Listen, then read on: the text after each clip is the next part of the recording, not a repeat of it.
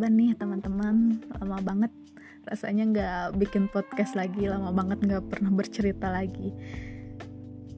Hari ini aku ada kesempatan buat bercerita lagi. Jadi di kesempatan kali ini aku mau bahas tentang ghosting. Teman-teman mungkin udah tahu ya ghosting itu ghosting itu apa? Atau mungkin yang belum tahu sebenarnya mungkin pernah ngalamin jadi aku mau jelasin ya yang aku tahu tentang ghosting dan aku searching-searching juga sih dari berbagai sumber. Jadi, ghosting itu adalah situasi ketika seseorang memutuskan hubungan tiba-tiba dan tanpa penjelasan apa pun. Dia mungkin orang yang selama ini komunikasi intens sama kita atau PDKT-an kita atau mungkin bahkan orang yang ngejalin hubungan lebih sama kita tapi tiba-tiba menghilang gitu. Menghilang tiba-tiba kayak hantu. Ya beberapa contoh ghosting misalnya ketika kita udah sering kontekan eh dia tiba-tiba ngilang gitu aja atau atau mungkin kita udah buka hati dan ngejalin hubungan eh dia tiba-tiba nggak ada kabar lagi menghilang tanpa ngasih alasan apa pun Pelaku ghosting ini biasanya nggak percaya kalau sebuah hubungan bisa tumbuh dan berkembang.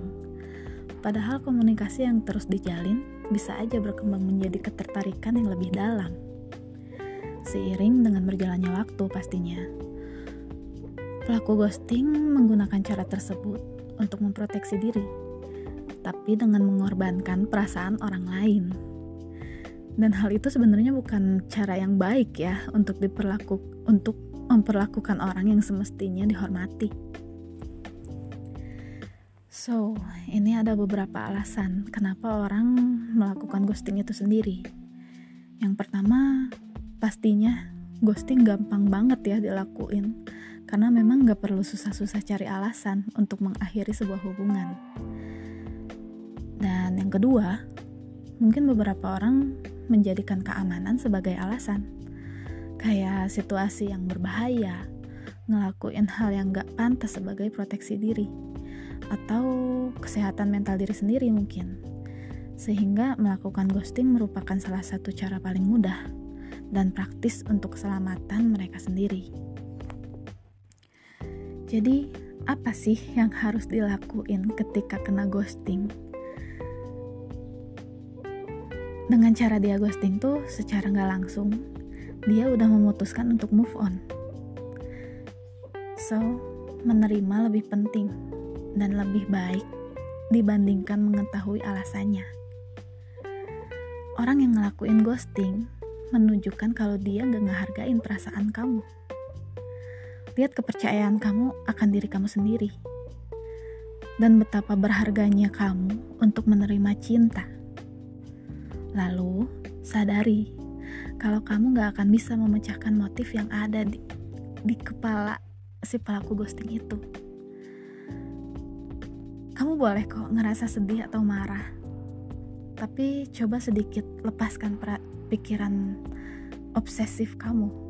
Jangan sampai kamu jatuh ke dalam rasa sakit hati.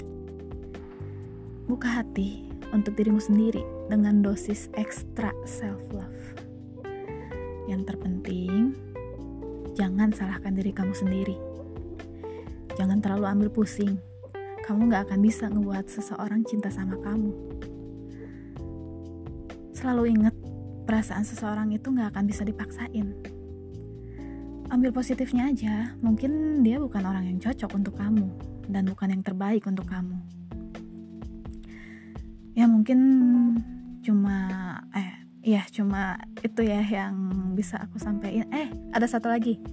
Satu lagi di saat kamu ngerasa pengen banget ngechat atau nelpon orang itu, pikirin apa yang apa yang akan kamu rasain nantinya, bukan apa yang kamu rasain saat ini. Pikirkan apa yang kamu rasakan setelah kamu ngechat dia atau setelah kamu ngehubungin dia, tapi ternyata respon dia gak sesuai dengan ekspektasi kamu. Intinya, beri batasan pada diri kamu sendiri dan tahu apa aja yang bisa kamu terima dan gak bisa kamu terima. ya mungkin itu aja ya sedikit cerita cerita aku tentang ghosting dan cara-cara menghadapinya semoga teman-teman yang lagi di ghostingin sedikit dapat pencerahan dari podcast aku yang sekarang ya. Semoga bermanfaat buat teman-teman. Dan semoga nggak bosan juga dengerin podcastnya aku. Mega pamit undur diri dulu ya. Sampai ketemu di cerita-cerita Mega selanjutnya. Selamat beraktivitas. See you. Assalamualaikum